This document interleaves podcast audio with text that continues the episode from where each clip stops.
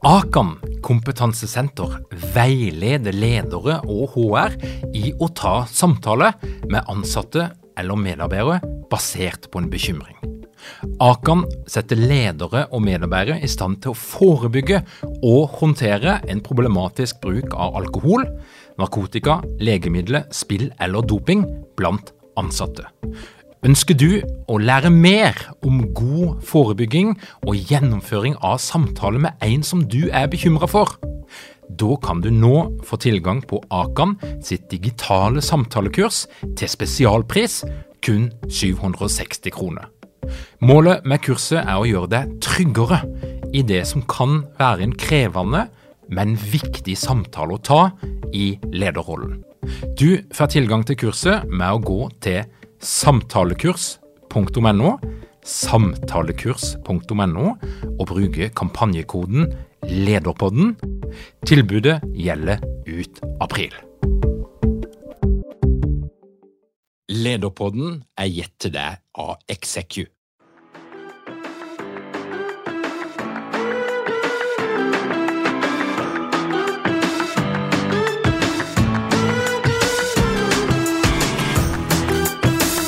Velkommen til Lederpodden.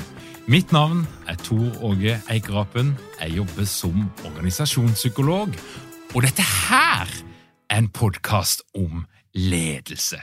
I mine lederutviklingsprogram så sier jeg ofte at det er dine evner til å håndtere kommunikasjon og relasjoner, de softe ferdighetene, som er det viktigste for å utøve effektiv ledelse. Ikke kunnskap om fag og tekniske temaer, selv om det kan være viktig i noen sammenhenger for å ta gode beslutninger eller ha troverdighet. Men jeg må bare si beklager. Jeg er nå kommet fram til at dette her stemmer ikke helt lenger. For som leder i dag så er det faktisk et felt som du bør vite noe om og det er nemlig hva som skal til for at din virksomhet klarer å bruke de digitale mulighetene som nå finnes.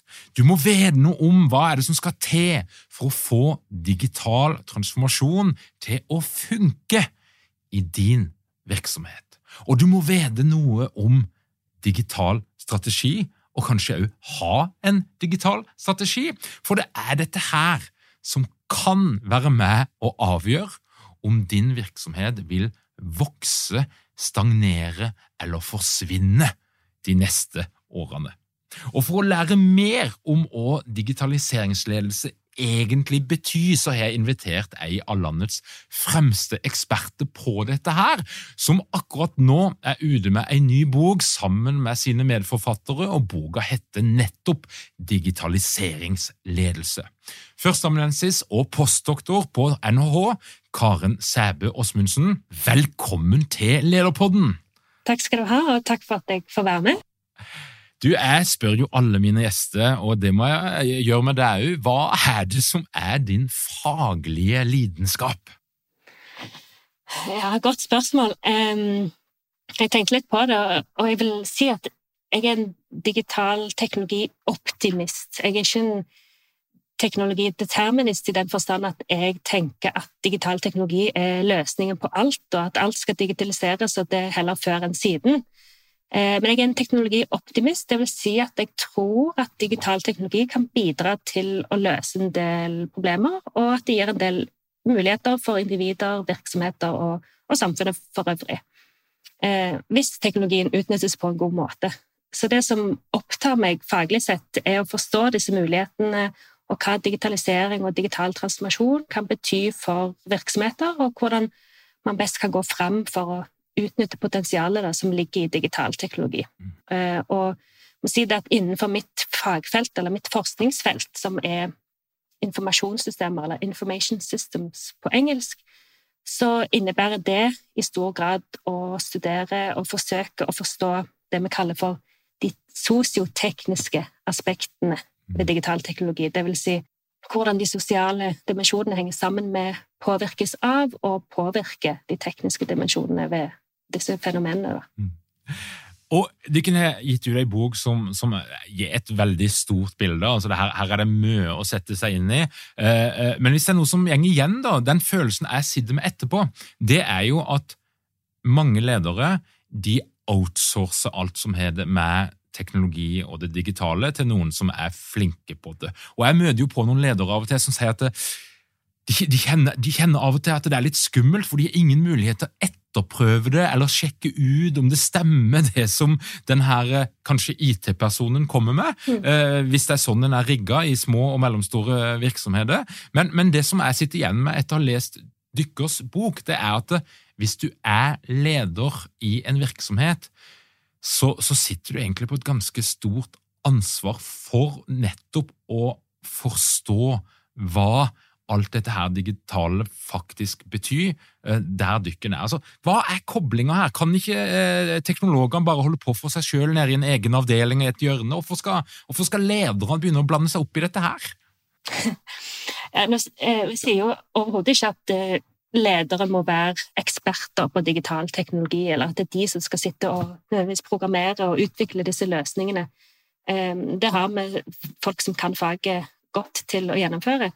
Men det vi mener at ledere bør kjenne til og ha kompetanse på når det gjelder digital teknologi, er bl.a. egenskapene ved digital teknologi. Det er det første.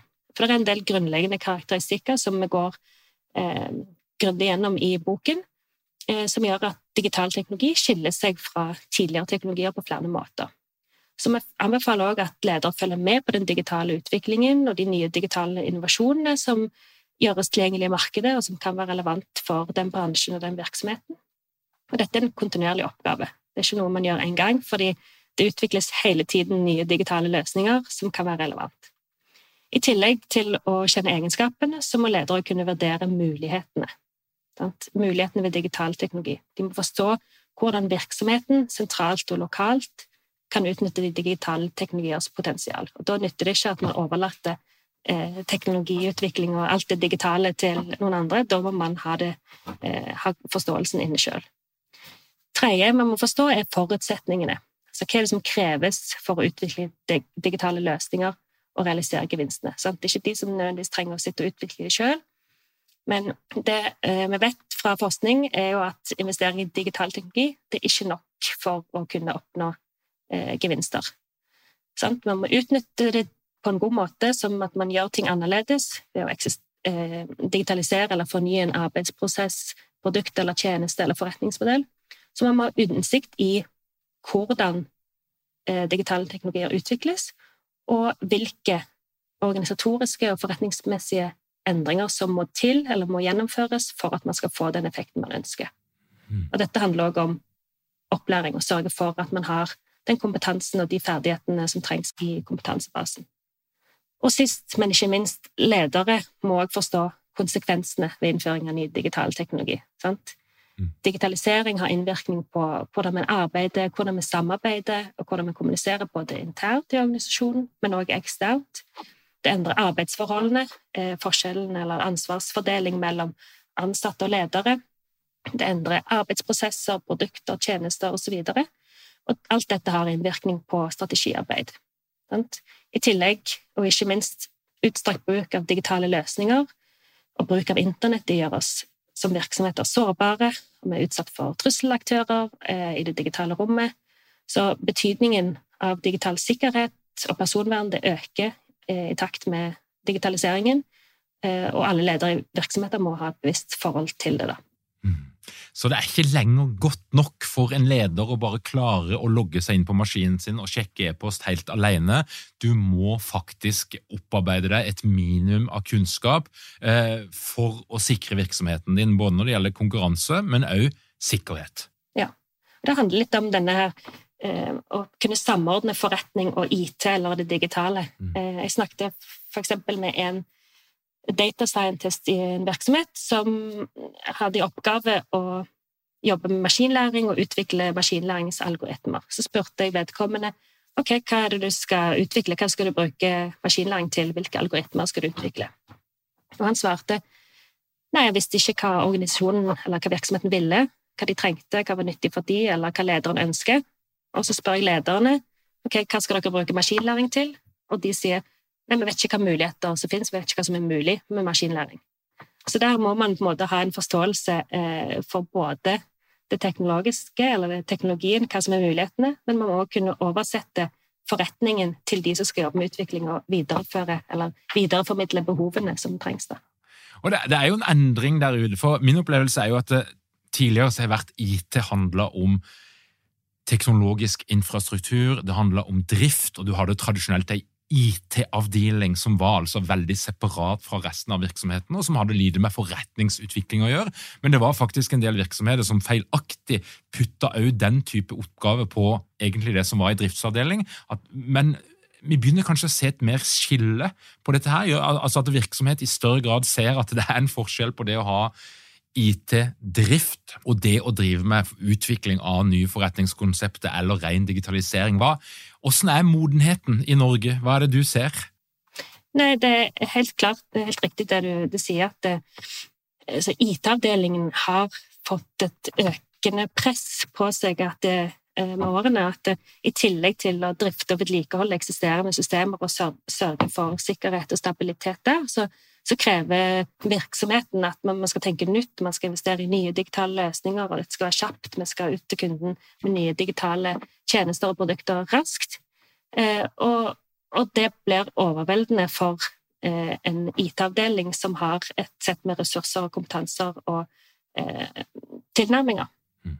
Eh, så det man ser i økende grad, eller det vi har forstått, er at digitalisering er ikke IT-avdelingens ansvar alene. IT-avdelingen spiller fortsatt en veldig viktig rolle, men det er kanskje ikke IT-avdelingen i tradisjonell forstand som skal ta seg av akkurat dette utforskende perspektivet om å, å se etter nye muligheter osv. Mm. Og så, er det jo, Du kunne starte boka med, med en sånn fin, en fin eh, begrensning eller tydeliggjøring. For det er jo de som snakker om at Litt for mange de tror de driver med digitalisering, mens det de egentlig gjør, er å sette strøm på et papirskjema. Hva er forskjellen på digitisering og digitalisering? Ja, eh, Dette er kanskje de to fenomenene som vi ser oftest forveksles med hverandre og brukes om hverandre i næringslivet og populærvitenskapen generelt. Og jeg eh, visste ikke det skillet før jeg begynte å forske på dette. Eh, når jeg starta på min doktorgrad og sa at jeg skulle forske på digitalisering, så fikk jeg raskt eh, svar tilbake fra professoren i gangen. Så ja, hva mener du med digitalisering? Så da måtte vi gjøre et uh, dykdypp i litteraturen, for jeg hadde ikke noe godt svar.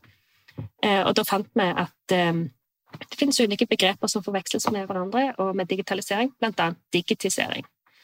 Ehm, så hvis du tenker på digitisering, så er det en ren teknisk prosess.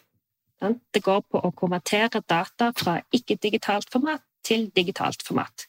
For å kunne behandle eh, data med digital teknologi, så må disse dataene være i et format som den digitale teknologien kan håndtere. Og det er denne overføringen eller operasjonen som vi kaller for digitisering. Så det handler om å standardisere dataformatet, enten det er snakk om bilder, video tekst.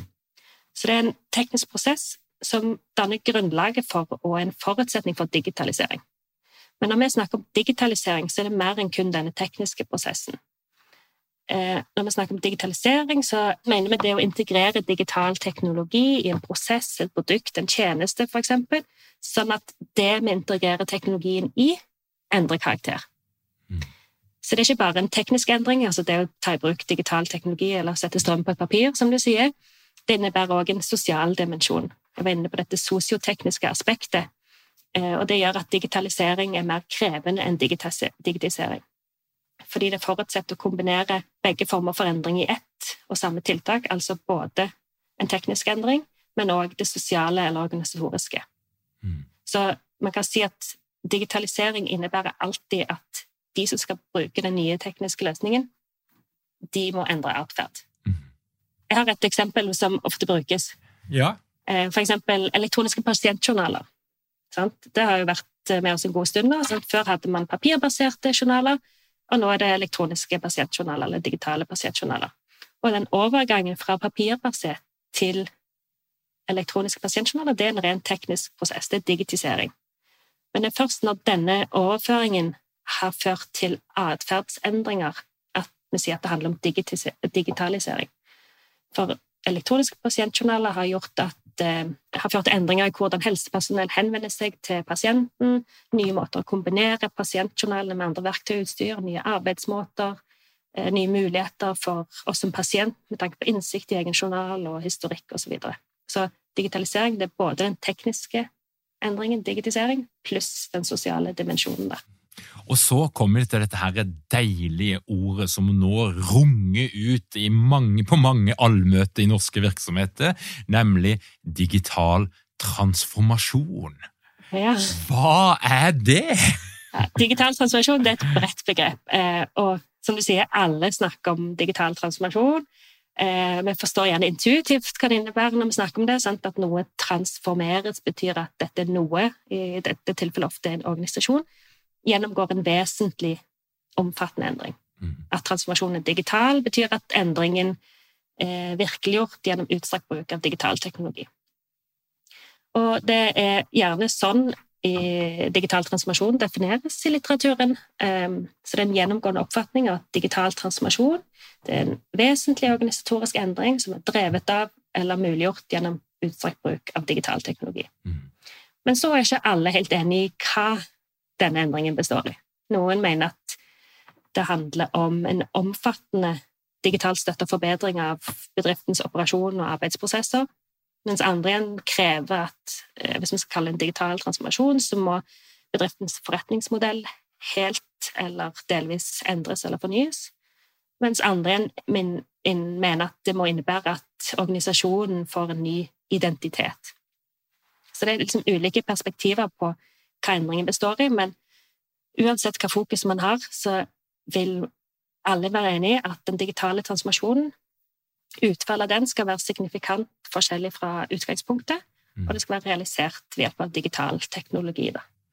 Så når vi snakker om å, å, bytte et system eller få et nytt system, så er det ikke helt der. Altså, vi, må, vi snakker om en endring som er som det er substans i, som er, som er, stor og som er viktig, og som involverer mange, og som forandrer vesentlig den måten vi driver butikken vår på, eller virksomheten vår på.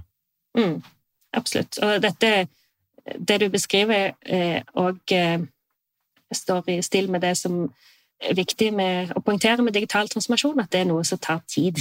Mm. Det er ikke noe man gjør over natten. Dette er en langvarig prosess. Eh, vi kan gjerne se på digital transformasjon som en prosess. Eh, Start gjerne med at virksomheten erkjenner at det er et behov for endring. Eh, noe må skje av drivere, f.eks. i omgivelsene eller teknologisk utvikling osv., som leder fram til kanskje en digital visjon, digital strategi, og basert på det så iverksetter man digitaliseringsprosjekter, gjerne en rekke ulike digitaliseringsprosjekter, som innebærer at man må da investere i digital teknologi, og man må investere i å utvikle kompetanse, digital kompetanse. For å lede og koordinere disse initiativene eh, utnevner man igjen en digitaliseringsdirektør, eller en CDO, som man kaller det, Chief Digital Officer, eller man etablerer egne organisatoriske enheter som skal eh, utvikle digitale løsninger. Eh, ja, så dette er noe som påvirker organisasjonen på mange områder og mange nivåer.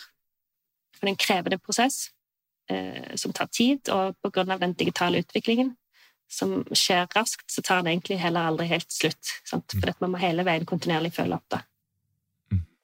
Og Det jeg hører da, det er jo at eh, hvis, hvis, du skryter av at her driver vi med digital transformasjon og mener alvor, så må det egentlig gjenspeiles i organisasjonskartet. Altså Du må se at det finnes folk med makt og myndighet der som faktisk besitter denne kompetansen, og som har ansvar for dette her.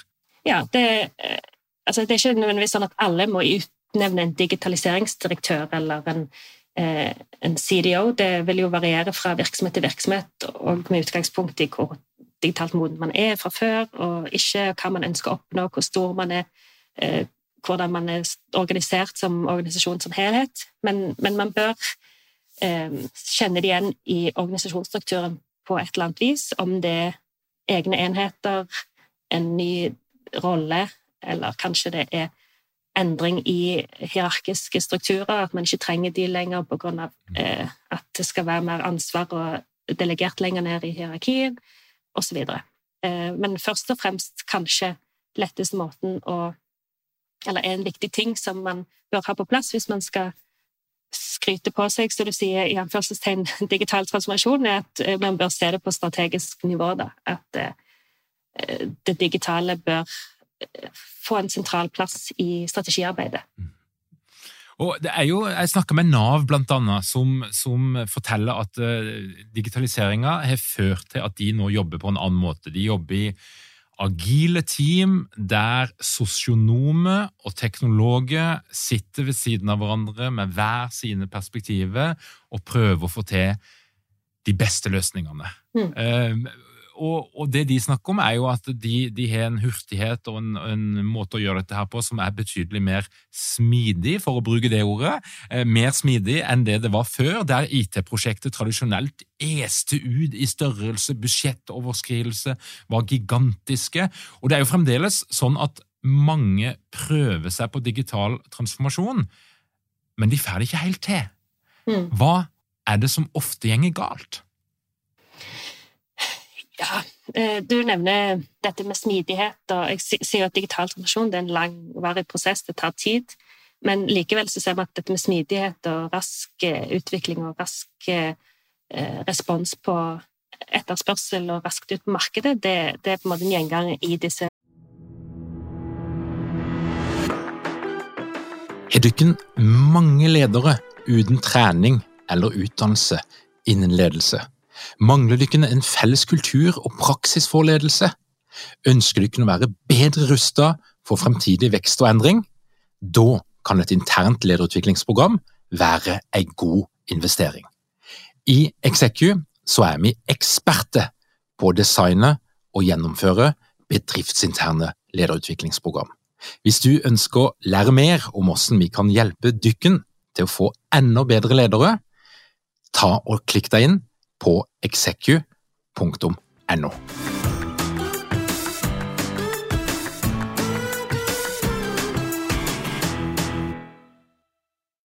digitaliseringsprosjektene. Så det handler jo om både å være rask eh, samtidig, men samtidig erkjenne at digital transformasjon det tar lang tid.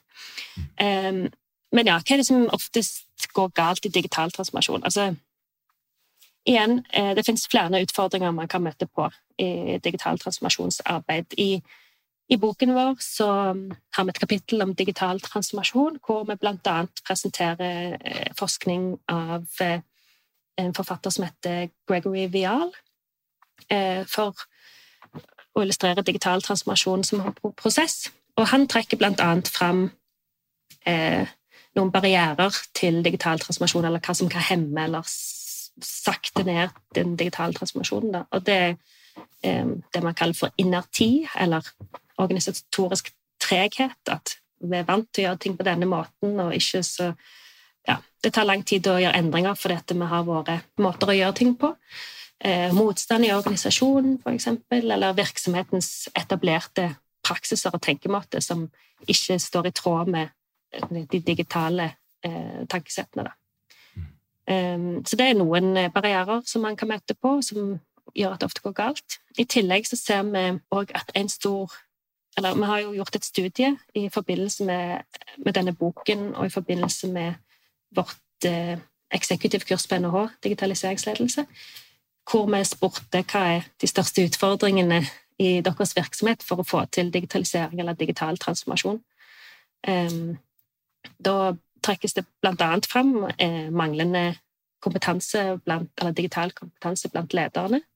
Mm. Eh, så det er et eh, viktig moment. Men òg eh, eh, rundt halvparten av respondentene svarte at mangel på samarbeid på tvers i organisasjonen eh, er i stor grad, eller i svært stor grad, en utfordring for deres virksomhet. Og det, og det er et viktig poeng, fordi for å få til digital transformasjon dette er noe som angår hele organisasjonen, ikke bare en enhet. Det er ikke bare en digitalisering av én prosess.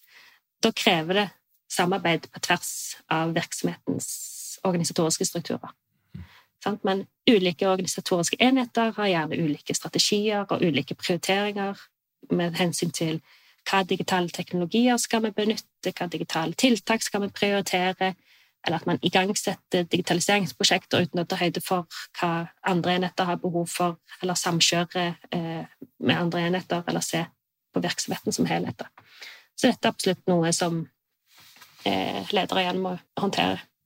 Jeg hører jo at eh, skal du lykkes med digital transformasjon, så stiller det noen krav både til kultur og til ledelse og kunnskapen hos ledelsen. Og, og, og, et kulturelt aspekt er jo er det kultur for endringer, er det kultur for å samarbeide på tvers, mm. eller er det noe som vi fram til nå aldri egentlig har pleid å gjøre? Mm. Da høres det ut som veien blir litt tyngre.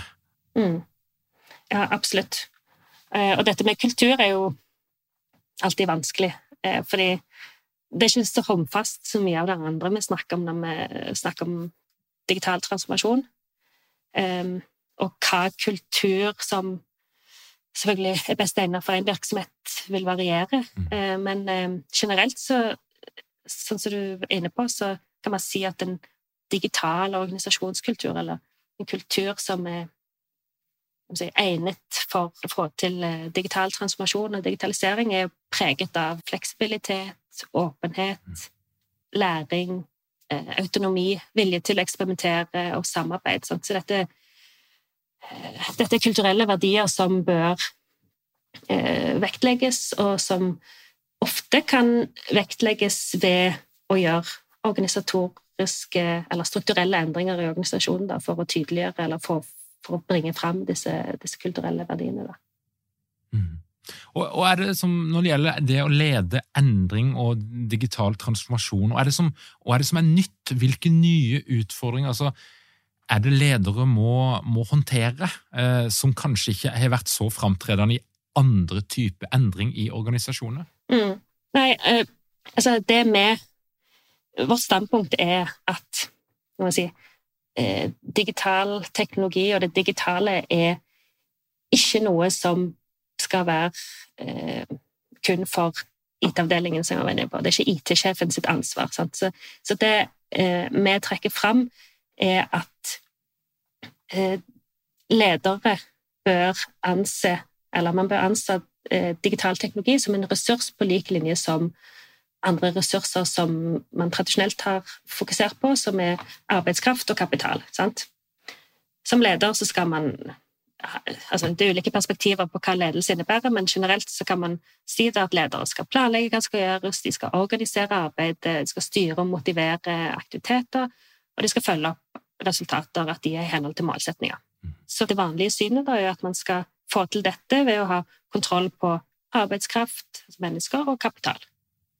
Mm. Men vi mener at det er ikke tilstrekkelig for digitalisering eller for å lede i en digital tidsalder. Vi må òg betrakte digital teknologi som en ressurs, på lik linje som arbeidskraft og kapital. Så man skal ikke bare planlegge eh, Ikke bare fokusere på arbeidskraft og kapital, men òg digitale ressurser i disse ledelsesaktivitetene. Planlegging, organisering, styring, motivering og oppfølging.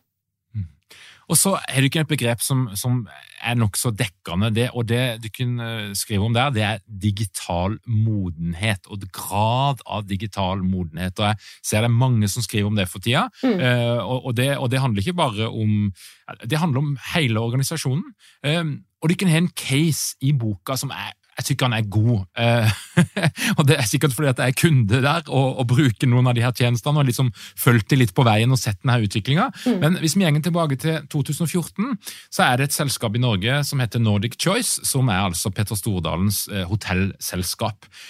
Og Det de opplevde, det var at stadig mer av salgene av hotellrom gikk eh, gjennom de store bookingsidene, booking.com, hotels.com, og de tar jo en, en, ganske heftig provisjon på hver, hvert eneste overnattingsdøgn, så det blir mindre penger eh, igjen til Nordic Choice og Petter Stordalen. og eh, de har òg mindre kundedata som de kan bruke i sin markedsføring og oppfølging av sine kunder. Og jeg, jeg, jeg husker litt den tida, og situasjonen var jo at Nordic Choice, uansett hvilket hotell du nå skulle booke på, de hadde elendige websider. Så vidt jeg husker, hadde de ingen app, og de, de var ganske digitalt umodne. Og så tok de tak på et strategisk nivå. Fortell, hva var det de gjorde som, som eh, løfta de opp i en helt annen klasse der de er nå?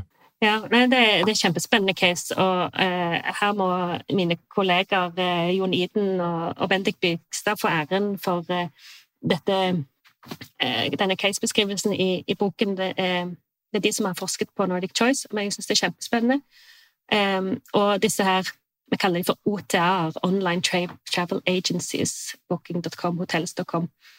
Først så, så jo Nordic Choice på fremveksten av disse som egentlig en velsignelse. Altså De så på sånn positivt. Samarbeidspartnere, vi kan nå til flere eh, kunder og et mye større ja, Flere enn de hadde en måte noen gang drømt om. Um, men så gradvis så erkjente de jo da at eh, de var i ferd med å bli en trussel, disse OTA-ene. Du snakket om disse andelene. De tok opp mellom 15 og 25% noen av disse her, for hver overnatting. Eh, det førte til prispress, lave inntjeninger, og de mistet kundeinnsikt. Så de fant ut at de måtte gjøre noe, eh, og det er ganske stort. Eh, og de satte i gang med det vi vil definere som en digital transformasjon. Da. Og I starten så innebar det tre sentrale tiltak. Det første var at de måtte utforme en digital visjon, altså en samlet retning og forståelse, eller samlet forståelse for retning og hvor vi ønsker å komme, hvor vi ønsker å være. Eh, den visjonen eh, de uttalte, var at de skulle skape det beste digitale økosystemet i Norden for rombestilling og gjesteopplevelse, både før og etter oppholdet. Eh, det andre tiltaket som de satte i gang med, var at de lanserte et lojalitetsprogram. De kunne til en viss grad akseptere at en stor andel av det man kaller førstegangsgjestene bestilte oppholdet sitt gjennom booking.com eller hotels.com, men andregangsgjestene de skulle bestille oss direkte hos Nordic Choice. Og da måtte man ha på plass mekanismer og et eh, lojalitetsprogram som gjør at eh, de har lyst til å være lojale til Nordic Choice og booke direkte gjennom deres digitale kanaler istedenfor. Og så var det tredje eh, tiltaket å etablere en digital innovasjonsenhet. Dette vil variere fra selskap til selskap hvordan vi gjør det. Nordic Choice de valgte å etablere separat selskap utenfor den originale organisasjonsstrukturen, som heter eBerry. Eh, og de hadde mandat til å, eller har mandat til å realisere visjonen og lede denne digitale transformasjonen. 40 eh, ansatte når de starta, og innunder denne her digitale innovasjonsenheten, eller den som leder digitale innovasjonsenheten, var en digitaliseringsdirektør som de ansatte. Og eBerry fikk jo da ansvar for som sagt, å lede denne digitale transformasjonen. De satte i gang flere tiltak. Det første var jo å reforhandle kontraktene med disse OTA-ene for å redusere denne andelen som de skulle ta. Eh, de oppretta analyseteam som skulle eh, overvåke aktiviteter i dette digitale økosystemet, booking.com, hotels.com, og arbeide for eh, å bygge algoritmer for at Nordic Choice skulle bli mer synlige. De utvikla den kundeappen som du nevnte, og fornya nettsiden for bestilling. Og mhm. samlet sett så skulle de samordne denne kundeappen og den nye nettsiden med lojalitetsprogrammet. Og de etablerte òg en teknologisk, ny teknologisk infrastruktur som eh, de gjorde for at de ønsket å tilby samme bestillingsfunksjonalitet både på appen og på nettsiden, sånn at vi som kunde For oss skal det være likegyldig om vi bestiller via nettet eller via appen, vi skal ha samme opplevelsene. Og dette ga jo resultater. Sant? De ble mer synlige i økosystemet som de ønskte. Andelen rombestillinger via OTA-ene ble bremsa ned. Og i 2019 så, så man at de hadde fått eh, over to millioner medlemmer i lojalitetsprogrammet. Blant annet deg, da, tydeligvis. Kundeappen var blitt lasta ned 250 eh, 000 ganger, eller noe sånt. Inntektene fra bestillingene som kom gjennom Nordic Choice sine egne kanaler hadde økt, altså både fra nettsiden og app, mm. med 78% fra 2016 til 2019. Og så ser de òg at dette har vært veldig lønnsomt, fordi utgiftene til de rombestillingene som ble håndtert gjennom digitale kanalene til Nordic Choice, appen og nettsidene, utgjorde bare 3% av romprisen, sammenlignet med de 15-25% som de tidligere hadde gitt til OTA-ene.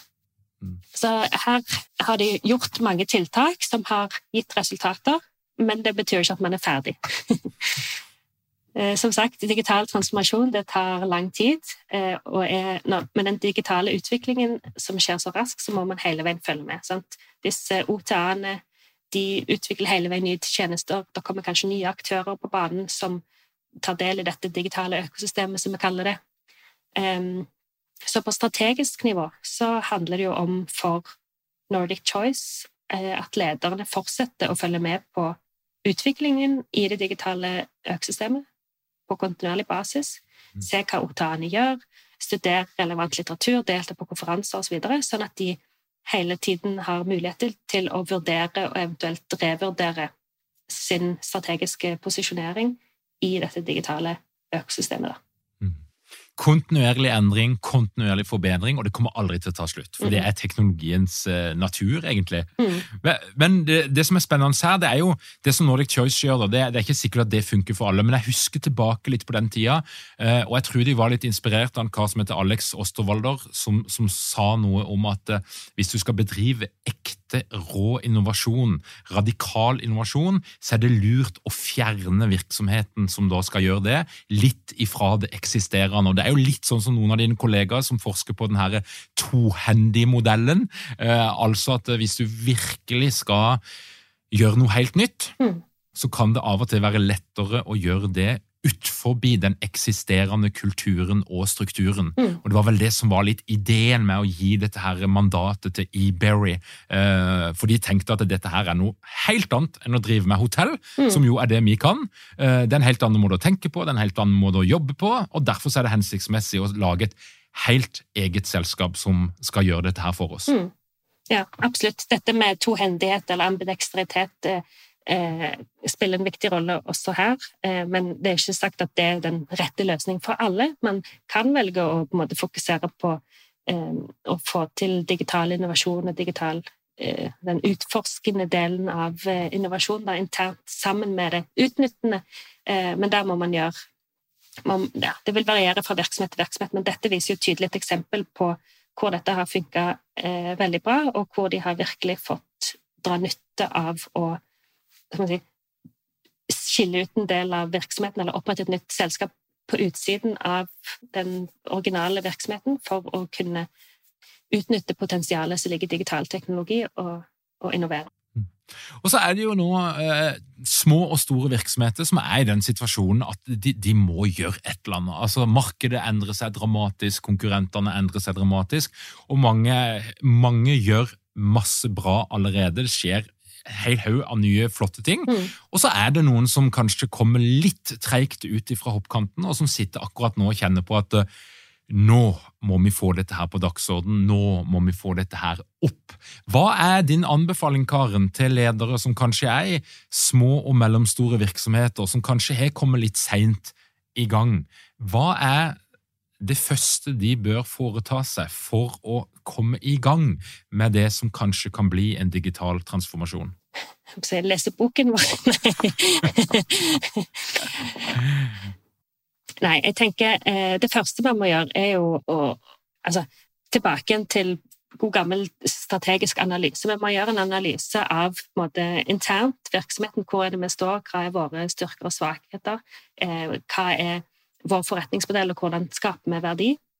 Eh, det har man mest sannsynlig allerede på plass, men sørge for at vi har et godt bilde av det. Så kombinerer det med eh, analyse av si, ekstern analyse av mulighetsrommet. Det digitale mulighetsrommet er enormt, men det betyr ikke at alt er aktuelt for oss. Eh, hva er det andre i bransjen gjør? Hva digitale teknologier og løsninger er det som er relevant for vår bransje, eh, vår si, forretningsidé, der vi ønsker å være? Eh, og basert på det da, så ser jeg hvor er det vi ligger an, hva er det vi trenger å jobbe med, hva er vår digitale modenhet. Mm. Sånn, digital modenhet er òg et bredt begrep, og det finnes ulike perspektiver på hva en digital moden virksomhet gjør. Og det viser vi òg til i boken, ulike perspektiver på dette, hvor det ene ikke nødvendigvis bedre enn det andre, men ulike si, råd og anbefalinger på hva man bør tenke på for å øke den digitale modenheten. Det, handler det om eh, den digitale intensiteten som bør økes. Bør vi investere mer i digital teknologi og jobbe mer med eh, å utvikle digitale løsninger og imøtekomme kundebehovene på en ny måte, eller bør vi fokusere på det interne ledelsesperspektivet, jobbe med hvordan vi utøver ledelse i vår organisasjon og utvikle kompetanse osv. Så, videre. så her er det ulike tilnærminger basert på hvor man er i, i dag. Mm. Sant? Basert på den interne analysen eh, og den eksterne analysen. Og så eh, basert på en felles forståelse av hvor man er, og hvor man ønsker å være, eh, gitt dette mulighetsrommet, så ta, formulere noen konkrete tiltak da, som man bør jobbe med, sånn som Nordic Choice. Sant? De hadde tre konkrete tiltak i starten, som var ganske store tiltak. Sant? Det var visjon og et program og Eh, en helt ny enhet med en tilhørende digitaliseringsdirektør, eh, som da videre kan jobbe med konkretisere viktige digitaliseringstiltak eh, som skal hjelpe oss å nå de målene vi har satt oss. da. Mm. Karen, tusen hjertelig takk for at du kom til Lederpodden. og Nå tror jeg vi har satt fart på enda mer digital transformasjon der ute, som kommer til å kreve mye av både ledere og kultur. Mm. Men det blir spennende å se hva det kan føre til. Tusen hjertelig takk. Takk for at jeg fikk komme. Og så vil jeg bare gi en shout-out til mine medforfattere Jon Iden og Kjersti Danilova, som eh, ja, har stått for veldig mye i denne boken. Veldig viktig. Takk mm. skal du ha. Takk skal du ha. Til deg som hører på, hvis du er nysgjerrig på alt som skjer i vårt lederunivers, og har lyst til å få vårt ferske nyhetsbrev i din innboks hver eneste fredag, ja, da gjenger du på lederpodden.no, du trykker på den rette knappen, og bang, så er du der. Som du sikkert har hørt rykte om, det er mange som nå er nysgjerrige på når neste utgave av lederprogrammet starter. Og hvis ikke du har fått det med deg, så er det altså 28. februar og påmeldinga den åpner 1. desember, og i vårens utgave er det kun 30 plasser. En del er forhåndsreservert allerede, men du har mulighet til å bli med hvis du er kjapp, og du finner etter hvert alt du trenger å vite oppdatert på lederprogrammet.no fra 1. desember. Takk for at du hører på Lederpodden. Vi høres igjen om ei uke.